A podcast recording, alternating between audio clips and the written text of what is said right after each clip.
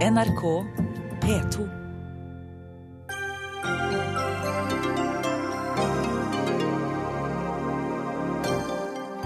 Lederlønningene har gått ned. Vi har nådd målet, sier Trond Giske. Da er ambisjonene for lave, svarer Rød Ungdom. Trygd går i arv, melder Aftenposten i dag. Misvisende og stigmatiserende, sier professor om oppslaget. Og kypriotene får ikke brukt euroen sin i utlandet. Og ingen tør lempe på pengerestriksjonene i frykt for at kypriotiske banker tømmes.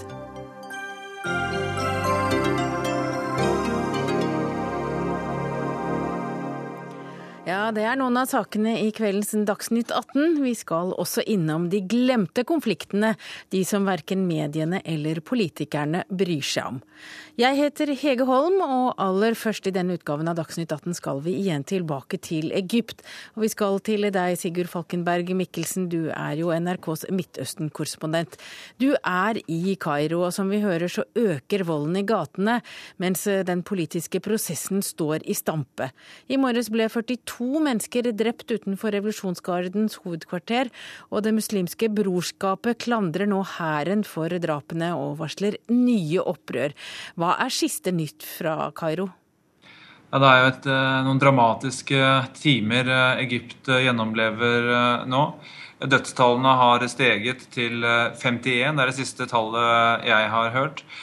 Og ute ved presidentpalasset og republikanergardens hovedkvarter, hvor hvor disse trefningene fant sted, er det nå meget spent. Jeg var der ute og snakket med folk fra både fra de som er støtter president Mohamed Morsi, og de som ikke gjør det. Og følelsene er veldig sterke. Det er folk som er såret. Det er mange som er, mange som er drept. Og det at vold nå har, blitt så eksplisitt og så direkte, dette er en av de verste hendelsene i Egypt på, på, lang tid, gjør at det er veldig vanskelig å få i gang en politisk prosess. Men aller først så, så, så er dette da av, et, et av de sånne verst tenkelige scenarioene for Egypt.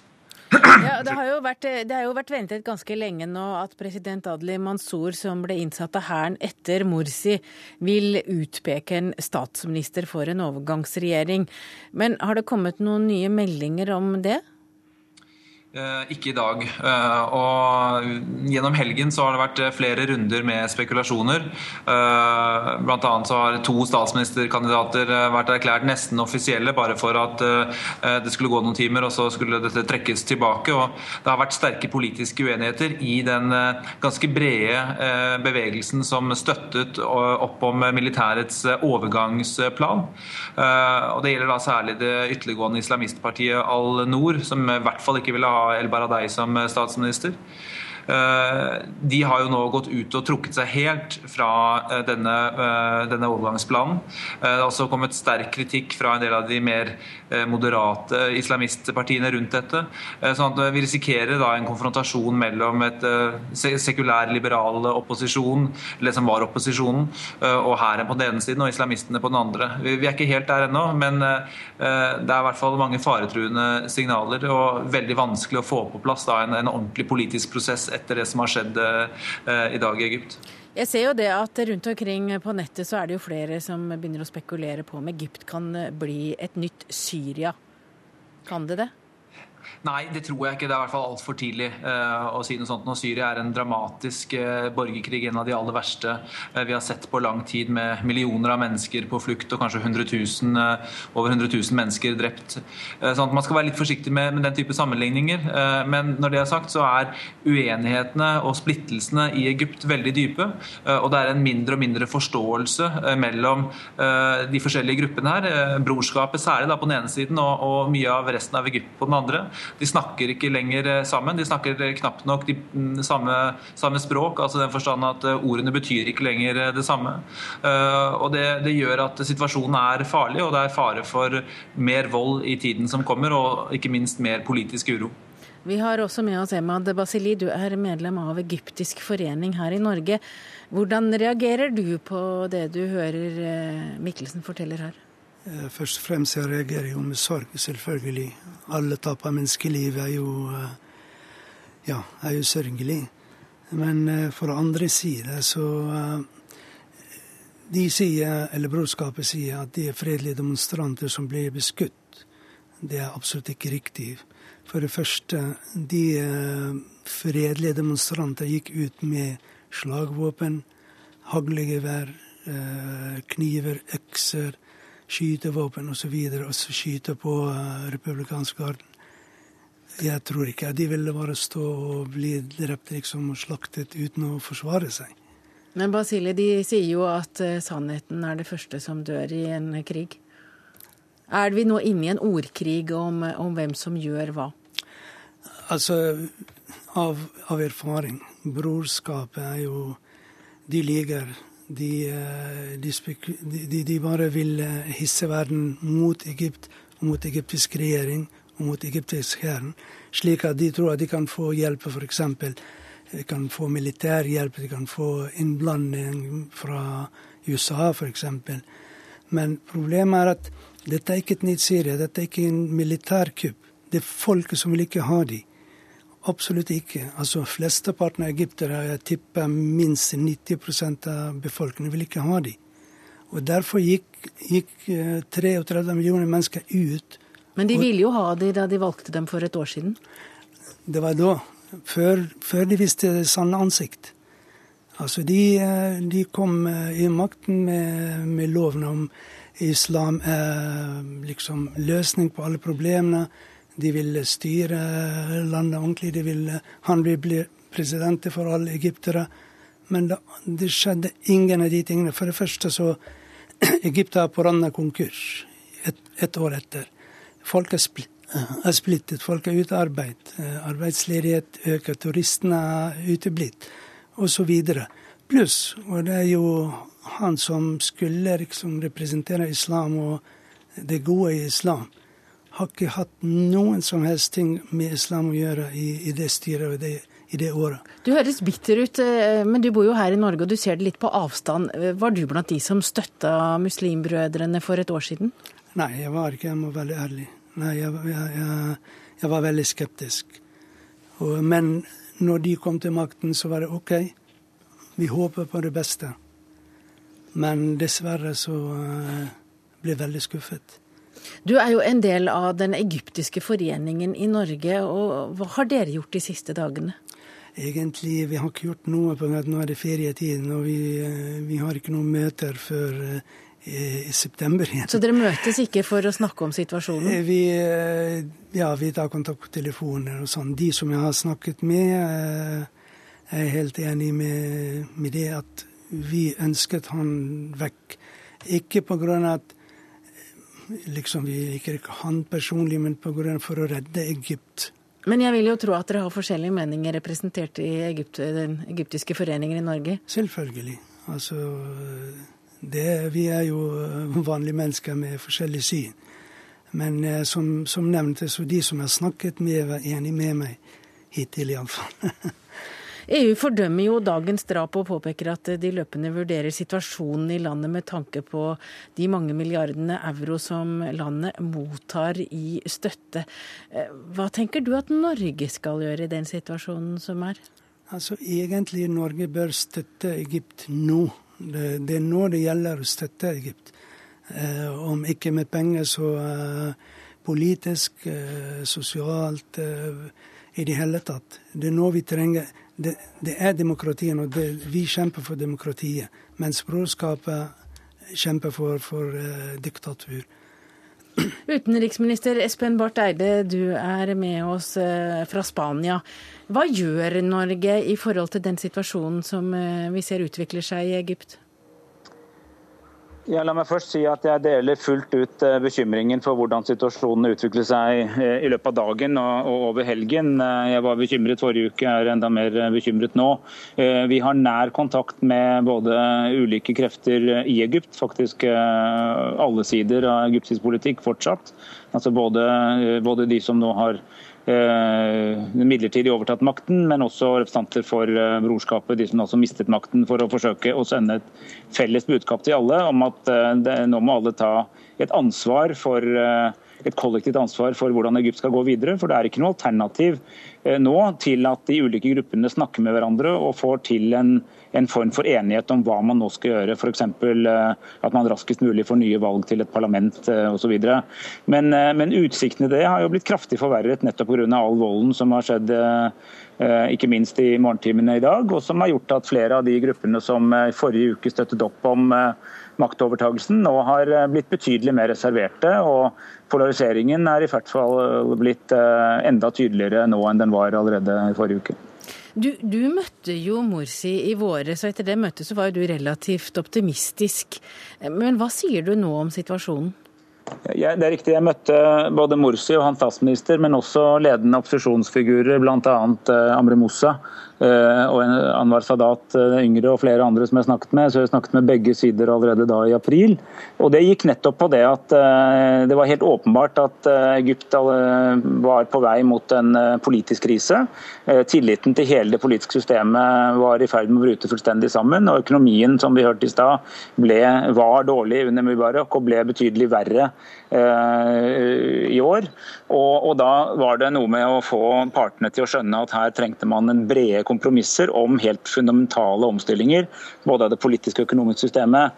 Både Morsi og den, den moderate opposisjonen fra den tiden var enig i det i prinsippet. Men det vi jo så, er at eh, det, det, vi sa, og det amerikanere har sagt, det EU har sagt, det andre arabiske land har sagt til dem, det har altså ikke lyktes. Og, og, og man fikk da en stadig dypere splittelse i det egyptiske samfunnet. Og Det er den vi ser eh, får spille seg ut fullstendig nå. Eh, og jeg må si at ja, som sagt, jeg opplever at den situasjonen er blitt stadig verre. Og det er veldig viktig å si at samme hva vi mener om det som skjedde forrige uke, så er det først og fremst de som nå sitter med den fysiske makten, som har ansvaret for at det blir en bred og inkluderende prosess, og at man ikke får en, eh, en, en ytterligere eskalering av volden og en ytterligere sammenbrudd av alle muligheter for en politisk eh, løsning.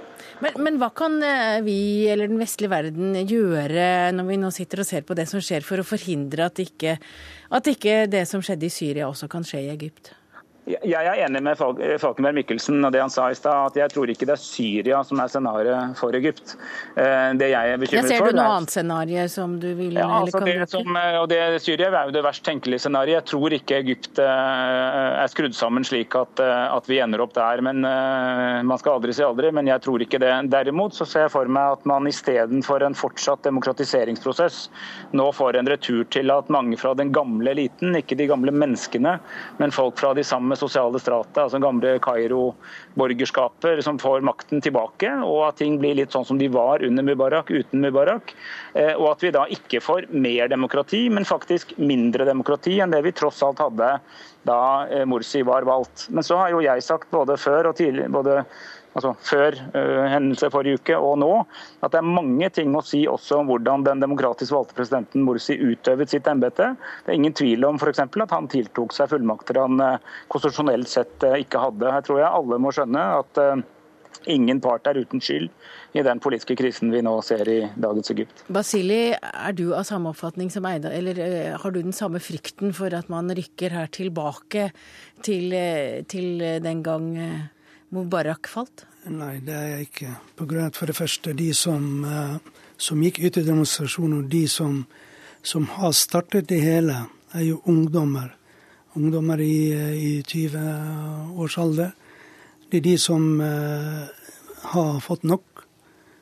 Og de sier at uh, nå må vi ha en endring. Og de gir seg ikke før det blir demokrati? Jeg håper ikke det. Takk til eh, deg, Emad Basili. Du er medlem av den egyptiske foreningen i Norge. Takk også til Espen Barth Eide, som er utenriksminister, og Sigurd Falkenberg Mikkelsen, som er Midtøsten-korrespondent for NRK.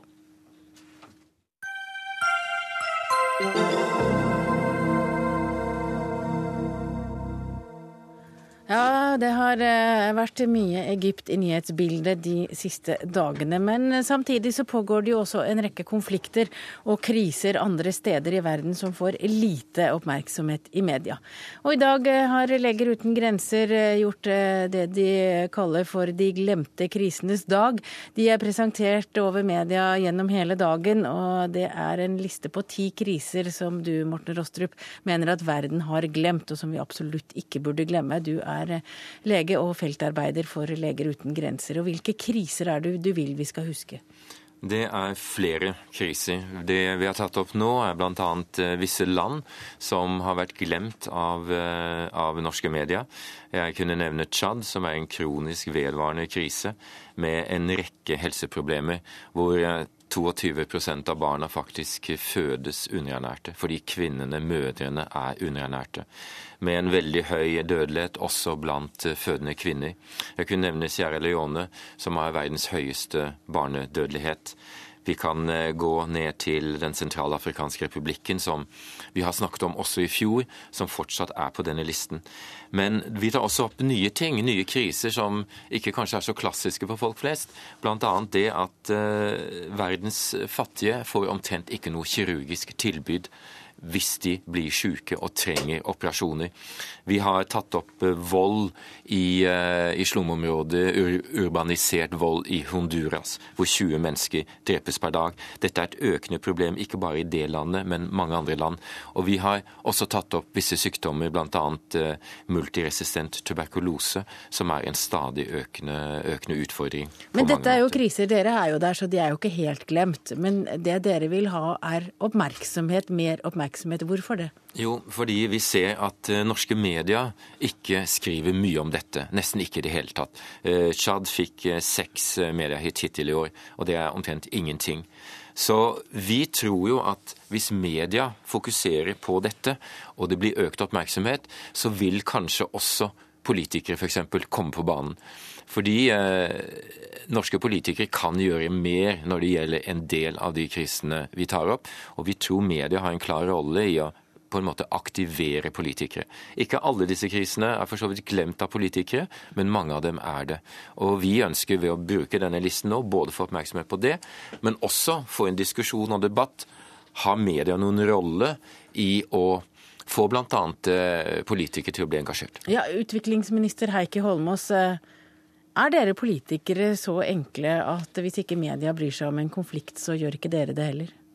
Nei, vi er ikke så enkle, og det tror jeg det går an å, øh, å, se på en måte tydelige bevis på på flere områder. For det første så er det sånn at øh, en del av de sakene som Leger uten grenser øh, nevner, og ære være Leger uten grenser for å stadig insistere på å løfte opp de glemte sakene på, på dagsordenen, Flere av disse sakene er vi aktivt med på å drive frem arbeid for. F.eks. det arbeidet mot uh, diaré der jo vår vaksinesatsing, eh, som vi bidrar sterkt med internasjonalt, er, er absolutt bidrar til å redusere antallet barn som, eh, som, dør i verden. Barnedødeligheten er en av de tingene som faktisk har blitt halvert i løpet av de, eh, de siste 15 årene. Så du, så du, mener at han overdriver, rett og slett? Nei, for, han, for det, det, han poengterer er jo nettopp at mange saker, mange viktige kriser i verden, blir ikke fanget opp av mediene. En annen side av den saken er at ofte så kommer kommer mediene på banen for seint. Eh, kommer først når mennesker begynner å dø. Ta f.eks. et sted der Norge har vært sterkt engasjert over lang tid, Somalia. Når tørkekatastrofen kom der i 2011, som var den siste store tørkekatastrofen, da var det varslet av organisasjoner, av myndigheter, et halvt år i forveien. Eh, og kunne vært forebygget bedre hvis både medier og verdenssamfunnet hadde vært der. Men mediene kommer ikke på banen og begynner å dekke før du kan vise bilder av barn som dør. Og hvis og ikke den... mediene viser bilder av barn som dør, så får heller ikke prosjektene nødhjelp og penger? Jo, for de får av myndighetene, men det er vanskeligere å mobilisere folk til å være med og bidra til dette. Hvis, hvis Leger uten grenser eller Redd Barna eller Kirkens Nødhjelp skal lage en aksjon for å ha innsabling til barn som lider, vel, da klarer du ikke å mobilisere det samme summen med penger hvis du ikke også har oppmerksomhet i media. Jeg vil tippe at en aksjon drevet av, av, av Leger uten grenser for barn i Tsjad og for barn i Syria, vel, da ville det være barn i Syria som hadde klart, dere hadde klart å mobilisere mest penger på. Nettopp fordi er det givergleden blant folk flest dere etterlyser? Er det derfor Nei, dere vil ha mer oppmerksomhet? Nei, det er ikke det denne gangen. Jeg, jeg tror, um, bare for å kommentere litt også, når vi bringer opp f.eks. diaré og denne rotavirusen, som er årsaken til faktisk at en halv million barn dør årlig, så er det helt riktig at Norge har engasjert seg mye på vaksinefronten. Men det vi ender opp med nå, det er vaksiner som er blitt så dyre ved å nettopp inkludere rotavaksinen rota og også pneumokokk, som er en bakterie som gir alvorlig lungebetennelse, så har prisene blitt veldig dyre. Og eh, det er faktisk blitt en krisetilstand at i mange land så har man ikke råd til, selv om Gavi støtter en rekke forskjellige land, så har man ikke råd til ja, altså, de, de, har ikke råd til å bruke disse vaksinene. Det er det ene. Og en annen ting, bare for å ta vaksinebiten, er at én ting er å ha vaksinen der, selv om den er dyr, men det å få den ut til folk Dette krever bl.a. kjølesystemet, kjøleskap osv. Slik at det er ikke nok bare å ha den vaksinen, men man må også forske på vaksiner som er lette å distribuere. Det siste punktet med rotaviruset er at den vaksinen er veldig effektiv i Vesten. 90% effektiv. Men i de landene som virkelig rammes av dette, er det bare 50% effektivitet pga. mutasjoner, endringer. Så, så det er faktisk en krise, selv om Norge har engasjert seg mye i dette. Men, men vi kan jo ikke redde hele verden. Per Arne Kalbakk, du er nyhetsdirektør for NRK. Og, og det ropes høyt her om eh, oppmerksomhet fra media. Og hvilke vurderinger gjør NRK om hvilke kriser eh, eh, NRK dekker? Ja, det er, jo, det er, jo, forskjellige vurderinger. Eh, og det å holdt holde på å si velge eh, både hvordan vi prioriterer et nyhetsdøgn og hvordan vi prioriterer utenriksressursene våre, det er mange ting som påvirker, påvirker det. Det er våre prioriteringer. Det er hva norske politikere, norske hjelpeorganisasjoner er engasjert i. Og det er også hva, hva våre og andre journalister kommer opp med uavhengig av det. Så, så det er ikke lett å gi noe entydig svar på det. Det er ikke og så er det jo sånn at vi kan, ikke, vi kan ikke være overalt. Og vi er nok også preget av at vi i størst grad dekker de konfliktene som det er oppmerksomhet i Norge. Det, her, her, vil jeg jo si at vi har sett et gradvis økende problem i, i den norske mediehverdagen. Fordi at samtidig som vi handler mer med utlandet, vi flyr mer og befinner oss mer i utlandet. Vi gifter oss på tvers av landegrensene, og vi har fått en større andel av befolkningen som har innvandrerbakgrunn og internasjonal bakgrunn. Så ser vi at antall korrespondenter som er fra norske medier i utlandet, har vært på synkende hele eh, det siste tiåret. Det er vel nå sånn at eh, i Afrika så har, eh, så har man én korrespondent som er til stede fra, fra Norge. I Latin-Amerika er det ingen. Og du har like mange for å dekke hele Asia som du har bare i, i New York. Det, det, viser jo litt om, om, om, den enkle faktum at skal du ha oppmerksomhet og dekning fra et land, fra en verdensdel, da må du også ha en tilstedeværelse. Og den tilstedeværelsen er nedprioritert av de norske mediene. Det er jeg helt enig i. At tilstedeværelse er avgjørende for å kunne få, få en nærhet og skape en nærhet uh, for et norsk publikum. Uh, og så er faktisk ikke NRK de som har bygd ned korrespondentnettet vårt. Vi har faktisk økt det de siste årene. Og vi har mangedoblet sendetiden vi bruker på utenriksstoff, særlig TV, men også mer og mer både på radio og på nett og nye medier. Vi er ikke til stede i Latin-Amerika. Det skulle vi gjerne vært. Og så blir jo det en prioritering også. Det koster å ha korrespondenter men for oss er det i hvert fall viktig å i hvert fall minst opprettholde det antallet korrespondenter vi har. Og vi har også en ambisjon om å kanskje klare å øke det nå også i, i løpet av de neste årene. Men eh, de siste årene har vi i hvert fall økt vår dekning av, eh, av, kriser, konflikter og annet utenriksstoff. Vi skal huske på Men er det vanskelig å få interesse for eh, glemte kriser? Blir folk lei av sult, nød og fattigdom, og derfor så tar vi heller de ferskeste altså, Vi kan holde på med Egypt hver dag eh, så lenge det brenner der, og så blir vi litt lei den. Og så kommer det en ny krise som har nye bilder, og så går vi på den, og så blir vi litt lei av den, og så en ting er at Nyhetsbildet vil alltid til en viss grad styre eh, medienes nyhetsdekning. Eh, vi hadde en bred dekning av borgerkrigen i Syria, og så kom hendelsene i Egypt med store demonstrasjoner og etter hvert et statskupp. Det er klart Da overtar det i perioder, og så vil det snu igjen. Men jeg må jo være så ærlig å innrømme at hvis vi ser på store kriser som Tsjad, Sentralafrikansk republikk, Papua Ny-Guinea, som, som, også nevnes i lista, det er klart det er en lang vei opp i å skape en bevissthet og identifikasjon i de, eh, i de, konfliktene, sammenlignet med konflikter som et publikum kjenner. Men Kjenner du på deg at eh, egentlig så har du litt ansvar for å holde de varme, eller kjenner du på deg at det er Leger uten grenser og Holmås sitt ansvar?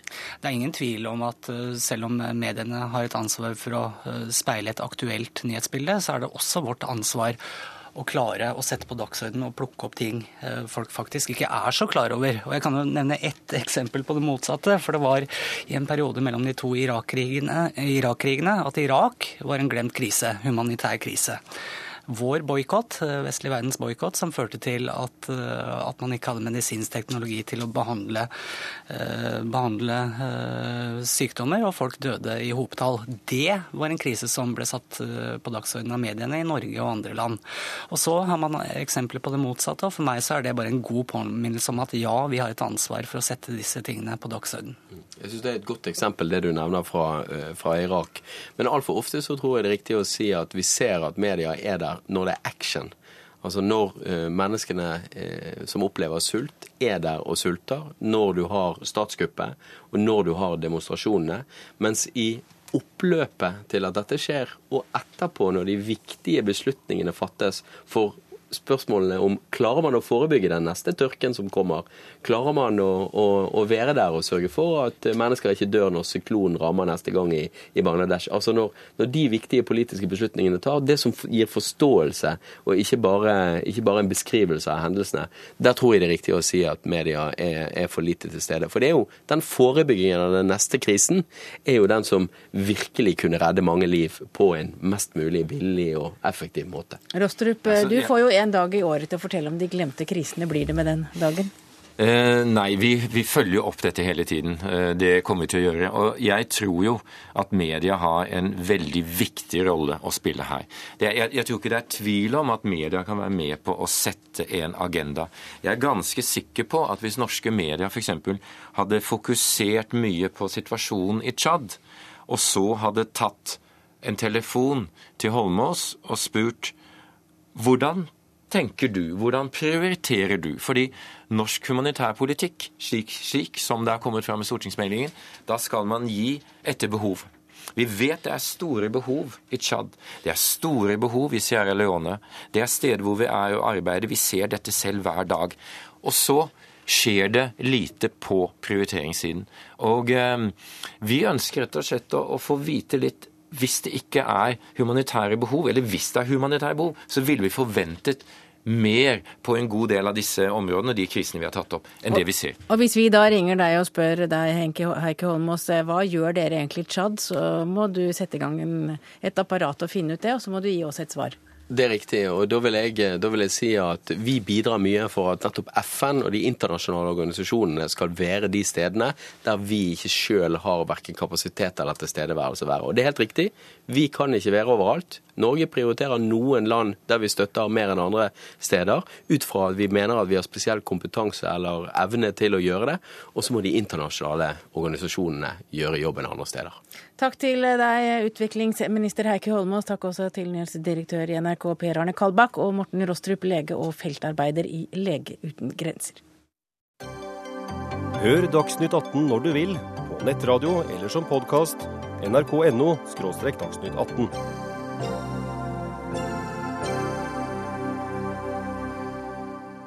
Ja, Nå skal vi til en av de krisene det er noen dager siden sist vi snakket om. Vi skal nemlig til krisen i EU, og vi skal til Kypros, for der har de store økonomiske problemer om dagen.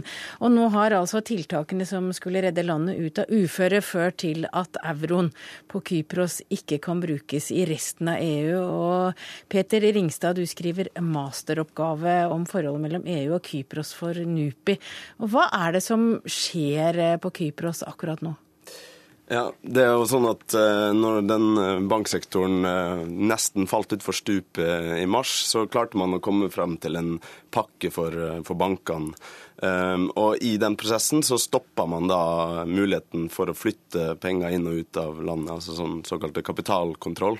Fordi man var redde for at Treholt og andre forretningsmenn bare sendte alle pengene sine ut av landet? Ja, jo, I Kypros har man eh, bygd på en forretningsmodell der man har ønska å tiltrekke seg store innskytere og sånn fra utlandet, og man har prøvd å være veldig attraktivt og legge forholdene til rette for det. Så når de da måtte ta store tap som en del av den pakken i mars, så har på en måte de forholdene endra seg, og man er redd for at de skal eh, Eh, fly av gårde til andre og mer lukrative steder dersom man tillater eh, pengene å, flyte fritt. Så Derfor så, så har man innført kapitalkontroll, og så, og så, er det i praksis veldig vanskelig å flytte penger inn og ut av Kypros. Men dette var jo egentlig et sånn hastetiltak, et øyeblikkelig tiltak.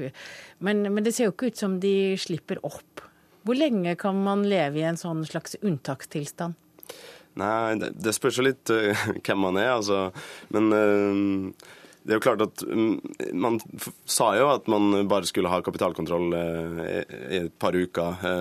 men men omstruktureringa på Kypros er veldig vanskelig, og det tar veldig tid. Og det er ikke så lett å se at noe sånn veldig grunnleggende skal endre seg som gjør at man kan fritt åpne opp Kypros, og samtidig tro at de store utenlandske innskytterne ikke da skulle ha lyst til å flytte til andre steder med lav skatt. Og... Men helt konkret, hva er det man frykter skjer? Altså, Hvordan merker folk på Kypros denne kontrollen? Uh, nei, det er jo f.eks. Eh, på Kypros er det veldig vanlig å sende ungene sine på universitet til utlandet. Og da er man jo ofte avhengig også av å få støtte fra foreldrene sine. Og dersom man skulle da overføre gjennom banken en, en sånn månedlig Eh, månedslønn, f.eks., så er det nå en ganske byråkratisk prosess der du må hele tida vise til kvitteringer og, og, at du faktisk har en legitim grunn da, til å sende penger ut av landet. Eh, og Det er også begrensninger på hvor mye kontanter du kan ta ut i minibanken, eh, og en rekke sånne litt mer sånn ja, tiltak som vi kjenner fra kanskje mer igjen fra Øst-Europa i gamle dager. eller ja. Ja, Kjetil Hvitsvang, du er kommentator i Dagens Næringsliv. Hva, hva, kan disse eh, problemene kypriotene har nå å si for resten av eurosamarbeidet? For nå, nå er det virkelig, nå knaker det. Nja, jeg er litt usikker på det. Altså, behøver ikke gå til Øst-Europa, du kan gå til Island. De har hatt akkurat denne typen kontroll i fem år nå. Funker jo der borte. Uh, og det er veldig mye, den, veldig mye parallell problemstilling som det var. De hadde en overblåst banksektor i en altfor liten økonomi. Uh, på Kypros var den åtte ganger vel uh, selve nasjonaløkonomien. Nå er den nede i tre og en halv, eller det er i hvert fall ambisjonen med de, de reguleringstiltakene som er, som er kommet nå. Men Kypros er i seg selv såpass lite at jeg tviler på at det truer, truer eurosonen. Altså, du ser på disse beløpene som er lagt inn for hjelpepakker, så er det 248 million, milliarder euro for Hellas og 78 for, uh, for Portugal, som du skal, skal, håndtere, mens det er 10 for Kypros. så det er, det er ikke stort. Så du, Det er ingen smittefare her? At andre finner ut at ja, men dette var jo smart, altså Island, det er, men Det er en smittefare fordi at Eller det ligger en fare i at uh, den pakken eller de forsøkene de nå gjør for å få disse uh, få det på beina, går over ende, og at de må grave opp mer penger på nytt. Altså at uh, de prøver å få banke, bankene opp og går, men prognosene nå ser ut som om økonomien kommer til å krympe ganske kraftig både i år og neste år og 2015, så de må komme opp med en ny hjelpepakke. Og neste, neste er sånn stort hvor de skal håndtere dette her, er i mars 2015. Men, men, den kapitalstoppen den kan bare bli vedvarende, den? Altså ikke rikingene kan ta med seg pengene sine ut av Kypros? Man vet jo ikke, har jo ikke hatt dette problemet i euroen tidligere. Det har vært ganske vanskelig, vanlig når du hadde egne valutaer i, kriser, at du innfører slike begrensninger. Men innad i eurosonen så har du ikke hatt det før, så du vet ikke riktig. Men det er mye rart med euroen som, eller problemer som oppstod som man ikke visste før de plutselig var der. Som f.eks. at du skulle få et veldig forskjellig rentenivå i de ulike medlemslandene. Men, men, men, Kypros eh, Petter Ringstad, har jo lenge beholdt eh, det kypriotiske pundet sitt. Er det sånn at de vil tilbake til den snart? Jeg, jeg, tror ikke det. Det vil være en ganske dramatisk uh, sak for den kypriotiske økonomien. Men det er jo ikke mange år siden de slutta å bruke det? Nei, men de har likevel såpass mye nå som er bundet opp mot euroen i form av gjeld osv. Så, videre. så jeg tror ikke at eh, Det virker ikke som i hvert fall i debatten i kypriotiske medier sånn at det er så mange som seriøst foreslår å, å gå tilbake til og ut av, eh, av, euroen. Men nå kan det på en måte fortsatt bli eh, et, et tilfelle. Det er veldig uforutsigbart, måten både fra kypriotisk politisk hold, men egentlig også fra, fra EUs hold, hvordan man håndterer dem Eh, økonomiske krisene som, eh, som oppstår. Så, så, og det man frykter bl.a. I, i Kypros, er at EU har lyst til å på en måte bruke krisa på Kypros til å få en, en, en, en løsning på den delinga. Eh, eh, og, og, og, dersom det skulle, skulle bli et sånn um, ultimatum for Kyprota, så ville de heller jeg, gått ut av, ut av EU og euroen, heller enn å bli påprakka en sånn eh, en sånn politisk Kypros var et eksperiment også økonomisk. Mens de tidligere krisene så bladde EU og nasjonalstatene opp. Her dyttet man tap på innskyterne i bankene.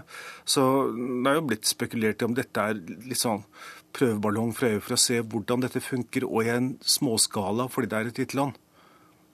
Vi får se hvordan det går. Takk til Kjetil Widsvang, kommentator i Dagens Næringsliv, og Peter Ringstad, som skriver masteroppgave om eh, Kypros eh, for NUPI.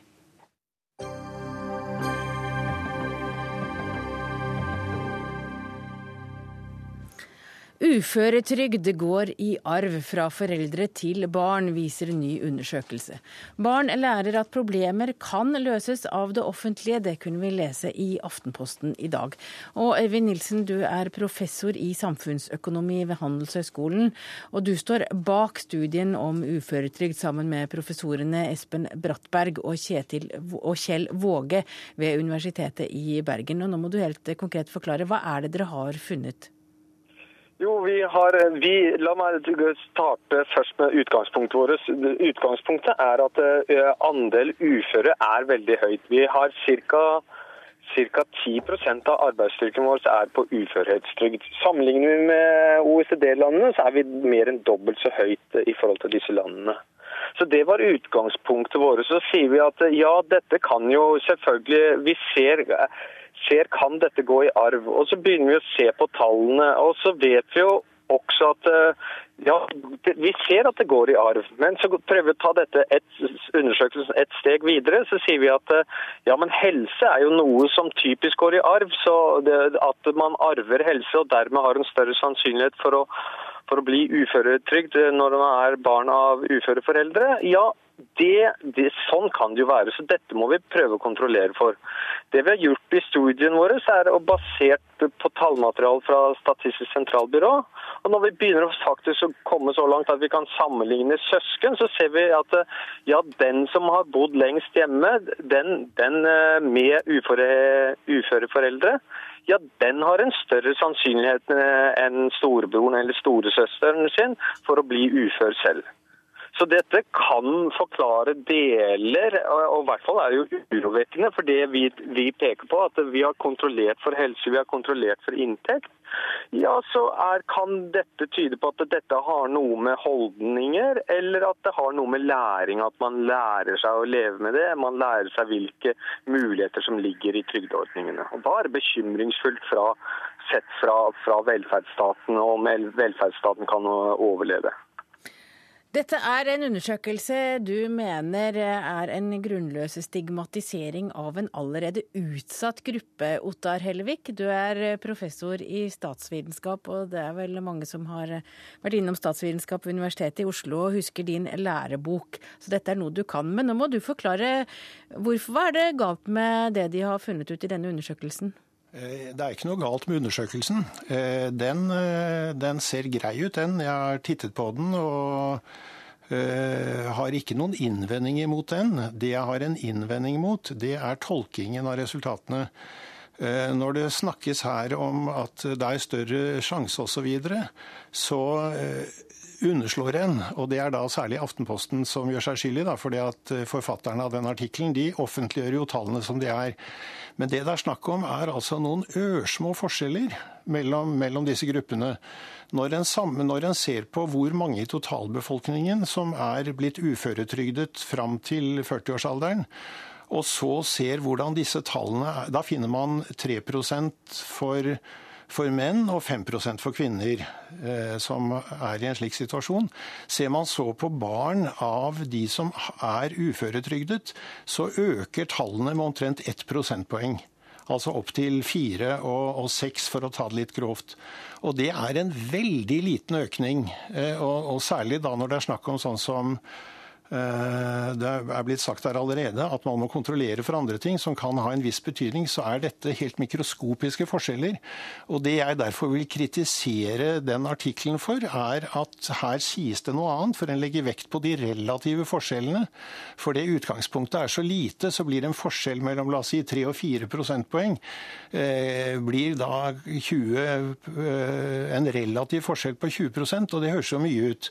I Aftenposten er bare de relative tallene oppgitt, ikke de absolutte, som jeg nevnte. Altså forskjell mellom 3 og 4% altså, Du mener at dette, det vi snakker om her er så ørlite at det går ikke an å generalisere? Det er det du sier? Nei, ikke, altså ikke for, generalisere går det an. For de har et så stort materiale de har undersøkt at det kan for så vidt generaliseres, men forskjellen er for liten til å ha den betydningen som den tillegges.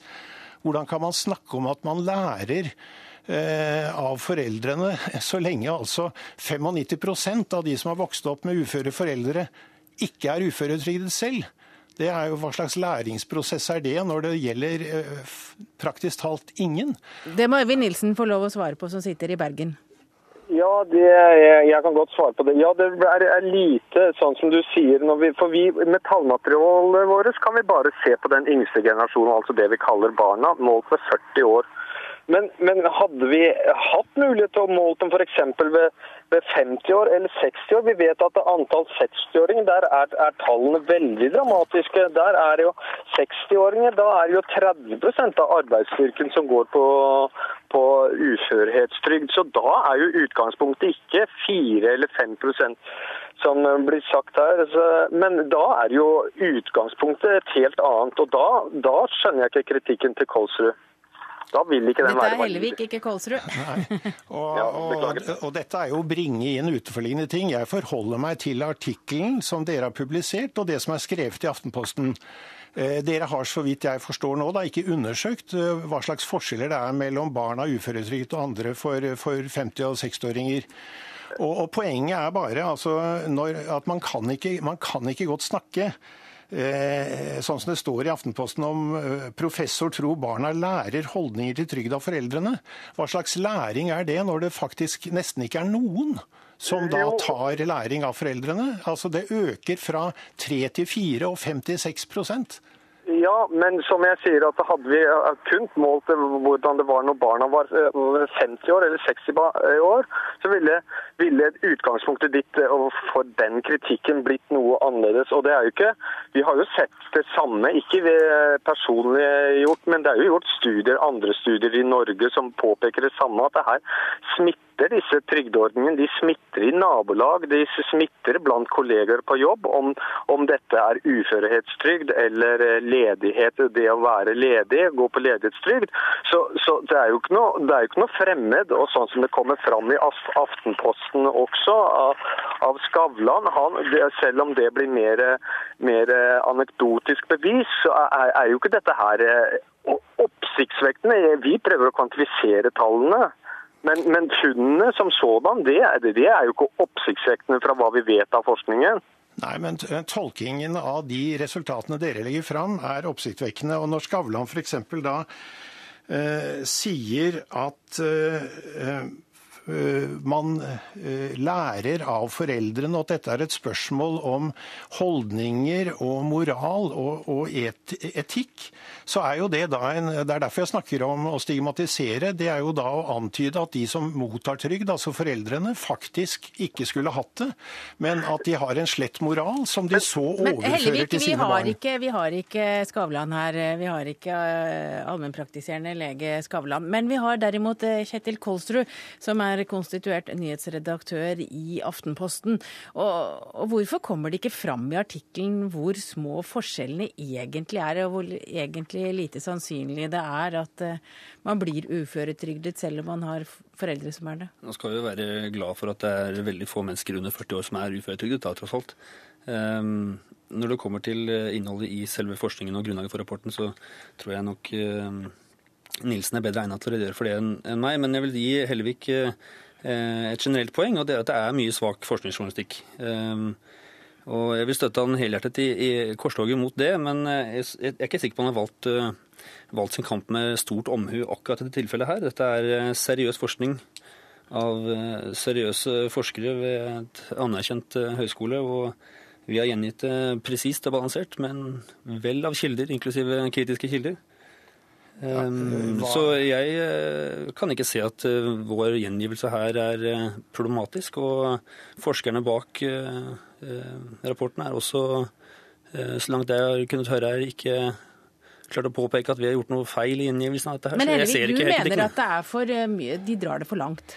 Ja, det, det, tror jeg nok at de fleste vil være enig i som setter seg inn i dette her. Og det er som sagt et poeng da at Aftenposten for så vidt bidrar til å forsterke det inntrykket at her er det store effekter ute og går, ved å ikke gjengi de tallene som viser hvor smått det egentlig er. Dette er ikke uvanlig. I den boka jeg har skrevet eh, som heter 'Mål og mening om feiltolking av meningsmålinger', så er det mange eksempler på akkurat det samme. At, at det er snakk om små forskjeller som ofte ikke engang rapporteres som tilfellet er her. Og, og, Når en da tolker det på den måten Det er ikke noe galt med forskningen, det er overhodet ikke påstått. Men det som er galt, er, er, tolkingen av den. Og spesielt slik dette gjøres i Aftenposten. Hvor, hvor man altså framst... Men Helvik, vi hører jo her at forskerne er enig i tolkningen i Aftenposten? Ja, det, det, må jeg si at en av de tingene jeg var spent på, var spent på når jeg så dette i dag tidlig, det var vil forskerne protestere? Men, øh, så jeg noterer meg med en viss forskrekkelse at, øh, at, de er fornøyd med den måten dette blir framstilt på. For det syns jeg ikke de har grunn til. Og, og dermed betyr det at i dette tilfellet så kan man jo, som i en del andre tilfeller, også kritisere forskerne for at ting kommer skjevt ut når resultater skal formidles. Da må nesten forskeren selv få siste ord her, Øyvind Nilsen.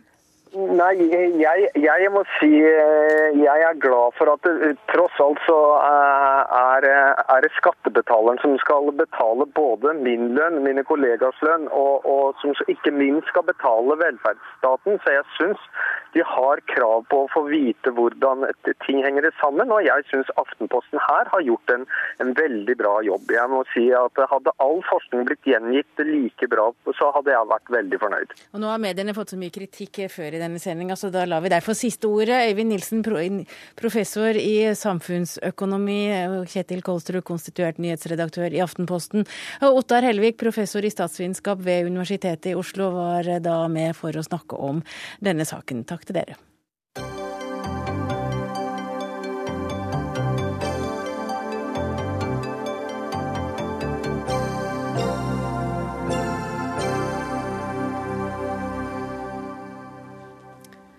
Lederlønningene i selskaper som er underlagt Nærings- og handelsdepartementet har gått ned med 1,2% siden 2008. Det viser statistikk som kom i dag, og det er en som smiler fra øre til øre, og det er deg, Trond Giske. Du er nærings- og handelsminister, og du syns at dette er gledelige tall. Hvorfor det? Det har jo vært stor oppmerksomhet eh, om en ublu økning i lederlønningene. Eh, vi har hatt eh, mye eh, oppmerksomhet rundt det fra regjeringens side, for vi mener at det er helt umulig å kreve moderasjon fra vanlige folk hvis ikke de på toppen gjør det samme. Og Derfor har vi stramma inn på opsjoner, på bonuser, på fallskjermer og alle disse tingene som er veldig provoserende. Og nå ser vi resultater. Lederlønnsveksten er lavere enn den generelle lønnsveksten. og Mer enn det kan vi ikke forlange. Da har vi en tilstrekkelig moderasjon hos lederne. Hva er det som har gått ned? Er det bonusene som er blitt mindre, eller grunnlønna, eller Ja, så Opsjoner er jo helt uh, rydda bort. Uh, det har vi sagt alle selskapene, at vi skal ikke ha belønninger knytta til aksjekursen, altså sånne gratis veddemål som du fikk før. Bonusen er begrensa til maksimalt 50% av fastlønna. Etterlønn er begrensa til maksimalt eh, ett år. og Eh, vi har også eh, stramma inn på pensjonsordningene. Og når eh, fastlønna da også øker svært moderat, i dette tilfellet med gjennomsnittlig 1,4% så er det grunnlag for å si at da har du fått den moderasjonen du trenger. Så Det er de tiltakene vi har gjennomført, de kravene vi stiller til selskapene, og kanskje også at vi har vært veldig tydelige overfor selskapene at hvis styrene ikke følger opp disse forventningene, så kan det også bli utskiftinger i styrene. Nå har jeg fått litt sånn der blod på tann når det gjelder statistikk, så jeg får lyst til å spørre om det er prosentpoeng eller hva det er, men det skal jeg la være, for jeg skjønner ikke hva du svarer. Men vi har med oss Seher Aydar, du er leder i Rød Ungdom. Du sa i Politisk kvarter i morges at lederlønninger er et økende problem. Deler du nå Giskes glede over at lønningene i statlige bedrifter har gått ned? Lønningene i statlige bedrifter har jo ikke gått ned. Eh, helt siden 2008 så har de økt hvert år. Eh, det viktige er jo ikke de prosentregningene som Giske gjør her. Det som er viktig, er jo hvor mye penger de får inn i kontoen hver måned. Eh, og de får mer penger i kontoen hver måned for hvert år som går. Og det er jo kjempeurettferdig at noen få i staten tjener så veldig mye mer enn resten av samfunnet vårt. Ja, nei, Det er faktisk sånn at den samla godtgjørelsen, hvis du ser lønn, pensjon, bonus osv. under ett, så kommer det faktisk mindre penger inn på kontoen da, i gjennomsnitt for disse topplederne i 2012 enn det gjorde i 2008. Eh, fastlønna har økt eh, litt, eh, men bonus, opsjoner og den type ting har gått ned. Så summen er faktisk at lederlønnene er Men i kroner og øre er det mer? Jo, nei, i kroner og øre er det faktisk lavere. Det er jo ikke helt sant. Hvis man ser på, man ser på deres egne oversikter, oversikter, så ser man jo at det har økt med 1,4% hvert år siden 2008. Uh, og det er jo ikke bra nok. Det man må i stedet gjøre, er å prioritere pengene annerledes. Man kan bruke penger på velferden, man kan bruke penger på sykehus, på skole, på barnehage, på der man faktisk trenger det. Men i stedet så velger regjeringen å øke lønna til de som allerede har mest fra før av. Og det er urettferdig, og det er også ganske mange i Norge helt enige om. Men er det ikke viktig å få gode ledere også i staten? Det er viktig å ha gode ledere, det er viktig å ha gode sykepleiere, gode lærere, gode barnehageassistenter. Eh, alt sammen er viktig, alt henger sammen. Og eh, vi har allerede altfor høye lønninger for lederne. Det vi nå trenger, er å øke lønna til de lavlønte. Det å øke lønna til de som tar de tyngste jobbene. Og det er jo det vi må fokusere på. Jeg syns det er veldig hyggelig å høre at Trond Giske har lyst til å få ned lederlønningene, men det holder jo ikke når han faktisk ikke gjør det. Altså, jeg tror vi skal skille mellom to ting. Det ene er å ha en moderat lønnsvekst eh, hos ledersjiktet. Og det å få lønningene ned. Eh, I hvert fall var mitt utgangspunkt da jeg ble næringsminister at eh, vi har et lønnsnivå for lederne som er helt sikkert vokst fram under tid. og Da vi overtok i 2005 var det ingen restriksjoner, verken på opsjoner eller bonuser eller fallskjermer. Det har vi innført som rød-grønn regjering etter vi overtok fra Høyre, og, og, og, og stramma kraftig inn. Når da veksten i lederlønningene er eh, mye, mye lavere enn eh, veksten eh, hos vanlige folk, da tenker jeg vi er i mål. Det er urimelig å gå til lederne og kreve store lønnskutt. Det tror jeg ikke tjener verken de selskapene de leder, eller, eller systemet som sådan. Men det å sørge for at utviklinga i disse lønningene er moderat, Eh, det må være veldig veldig bra. Og Det har det vært eh, stor etterlysning av i lang tid. og Når tallene nå viser at eh, den er mye lavere, den veksten hos lederne, enn hos vanlige folk, da tenker jeg at da skal vi glede oss litt over det. Så kunne vi si at Lederlønningene kunne sikkert ha betalt noen barnehageplasser, men vi trenger også ledere, så vi må ha begge deler. Men det er vel en kjensgjerning at de fleste topplederne i statlige bedrifter som du styrer, tjener mer enn statsministeren, Giske? Ja, det er mange som kjenner mer enn statsministeren. altså En gjennomsnittlig advokat i Oslo kjenner mye mer enn statsministeren. sånn at uh, det er vel ikke helt målestokken.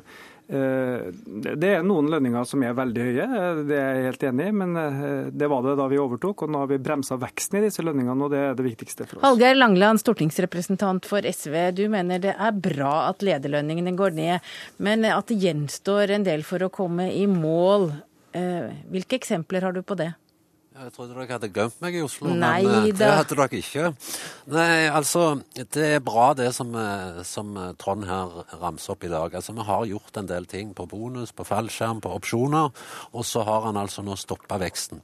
SV har lenge ønska seg ei mye tøffere linje enn den eh, vi har hatt så langt fra, fra de rød-grønne side. Vi har ønska at den, hvis styrene ikke fulgte opp de signalene som stortingsflertallet ga, så skulle en kaste folk ut av styrene. Sånn som jeg oppfatter til Giske nå, så er han på det sporet sjøl. Men det skjedde altså òg en eh, formidabel lønnsvekst mens vi rød-grønne satt i regjering i 2011, der bl.a. Eh, Helge Lund i Statoil eh, fikk 13,5% i lønnsøkninger. Altså en Statoil-sjef som nå tjener 13,8 millioner kroner, altså 30 sykepleierlønninger, for én leder. Så det er en del ting som vi må se nærmere på, mener jeg, og rydde opp i, sånn at vi ikke bruker så mye penger på å overbetale alle ledere eh, i, i, statlige selskaper og delstatlige selskaper. Så Der håper jeg at jeg skal få til en konstruktiv dialog med, med Trond framover. Eh, jeg har som sagt hunget i, i hunget i nakken på han så langt, og nå eh, ser, ser vi altså resultater. og Det er jeg fornøyd med med mitt utgangspunkt i kontrollkomiteen og de rapportene som bl.a. Riksrevisjonen har framlagt der. Ja, Kjenner du Langelands klo i nakken, Giske? Altså, det har hjulpet at Stortinget har vært opptatt av dette. og Alge Langeland har sjøl i kontrollkomiteen innkalt styreledere i en del selskaper som hadde sterk lederlønnsvekst, og bedt dem forklare seg. og Det har bidratt til at alvoret har skjegget inn. Og så tror jeg også at det at vi i fjor så tydelig sa at nå skal vi gjøre lederlønnsveksten til et kriterium når vi evaluerer styrene, og bestemme om folk skal reoppnevnes eller ikke, og faktisk har gjort noen utskiftninger i styrene også, har bidratt til at folk skjønner alvoret. Og så er det litt vanskelig altså, å, å, kommentere enkeltpersoners lønnsvekst fra år til annet. fordi at for Da finanskrisa traff, så var det jo mange av disse lederne som gikk kraftig ned i lønn.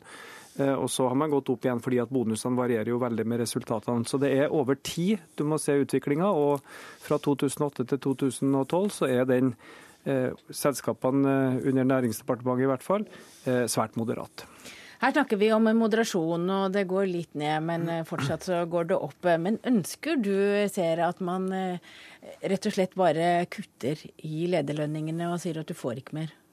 Ja, altså, Vi mener jo at vi skal fryse lederlønningene i sånn ca. fem år. Til man faktisk har kontroll over dem. Slik med at man uh, ikke skaper så store forskjeller i samfunnet vårt. Det er jo et problem når vi har noen få sjefer som tjener tre-fire, kanskje til og med ti ganger mer enn en sykepleier. Det er et problem når uh, forskjellene øker, fordi et samfunn med store forskjeller er et samfunn med større sosiale problemer, med større helseproblemer og f.eks. rusmisbruk og kriminalitet. Et sånt samfunn vil ikke Rødt ha. Rødt vil ha et samfunn der folk får det de fortjener. Derfor må staten prioritere pengene annerledes. Stoppe lønnsøkningen til, uh, til lederne til det kommer ned på et fornuftig nivå. I dag er den så høy at de aller fleste ikke kan folde seg til det engang. Og det er urettferdig. Der fikk du en helt liten valgtale på et svar. Men Hallgeir Langeland, er du enig med Rødt om at man skal fryse? Ja, Det kan være ett alternativ, og det er jo for så vidt det en gjør når en nå har stoppa veksten. Men det jeg er opptatt av, det er at en eventuelt da kan gå inn og reforhandle ned lederlønn i statsselskaper og deleide statsselskaper når en ser de dimensjonene disse lønningene har fått. Vi har som sagt fått gode resultater på en del områder, men jeg mener at det er helt uforsvarlig å gi en direktør 13-20 millioner i lønn når statsministeren i landet tjener 1,4 som noe som tilsvarer tre sykepleiere. Og det er jo ikke heller så lite. Men altså, vi har gjort noe, men vi må videre for å få en, mer, eh, en, en stat som behandler folk mer likt, som Trond Giske òg var opptatt av. Altså jeg tror Det er mulig å få lønningene ned når du skifter leder. og Det har vi sett et par eksempler på i noen selskaper. At man har skifta leder og, og forhandla fram lavere lønnsbetingelser. Men å gå inn i tariffbestemte eller avtalebestemte lønninger med eh, enkeltledere og forhandle dem ned, det, det tror jeg blir veldig feil. Vi skal finne en balansegang mellom å rekruttere gode ledere, eh, sørge for at de blir i jobbene sine, Eh, ha en moderat lederlønnsvekst og fortsette det som er ganske unikt i Norge i hele Europa, nemlig at forskjellene mellom de rikeste og de fattigste faktisk blir eh, mindre. Bare til Sverige kan du se en helt annen utvikling, eh, og det er det som er viktig å ta vare på. Først og fremst så trenger man jo ikke høye lønninger for å få gode ledere. Det vil jo alltid være folk som har penger som motiv. Men staten og statens ansatte skal jo ha, ta hensyn til samfunnet, ha samfunnsansvar.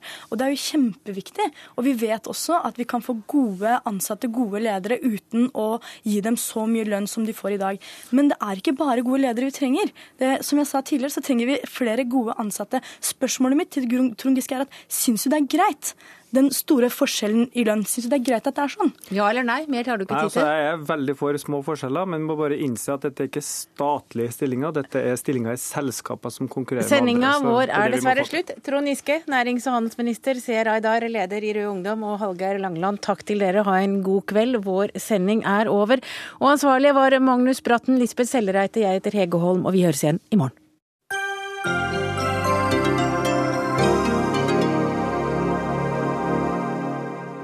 Hør flere podkaster på nrk.no podkast.